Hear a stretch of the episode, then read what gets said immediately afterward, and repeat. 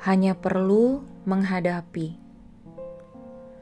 Kita, sebagai manusia, pasti pernah mengalami titik terendah dalam hidup.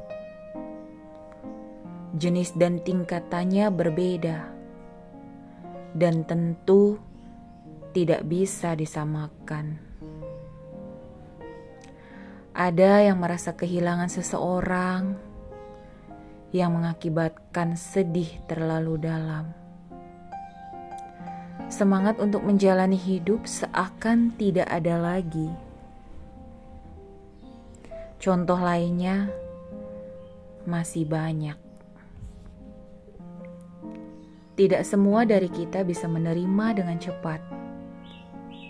Beberapa di antaranya harus melalui proses denial, anger, bargaining, depression, dan barulah acceptance.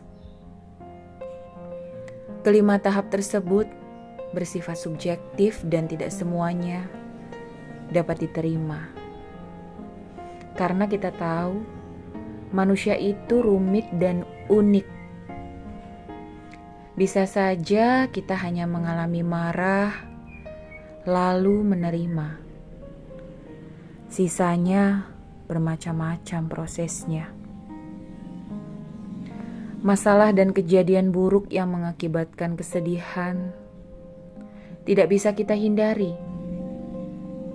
Kita hanya perlu menghadapi, melewati, dan yakin bahwa semuanya pasti berlalu bersama waktu. Ada Allah dan support system yang tentunya sangat membantu. Hadapi semua tahapan secara tenang. Ambil waktu untuk istirahat jika kita merasa lelah. Setelahnya, kita akan menjadi manusia tangguh dan lebih baik. Lot of love, hello braver.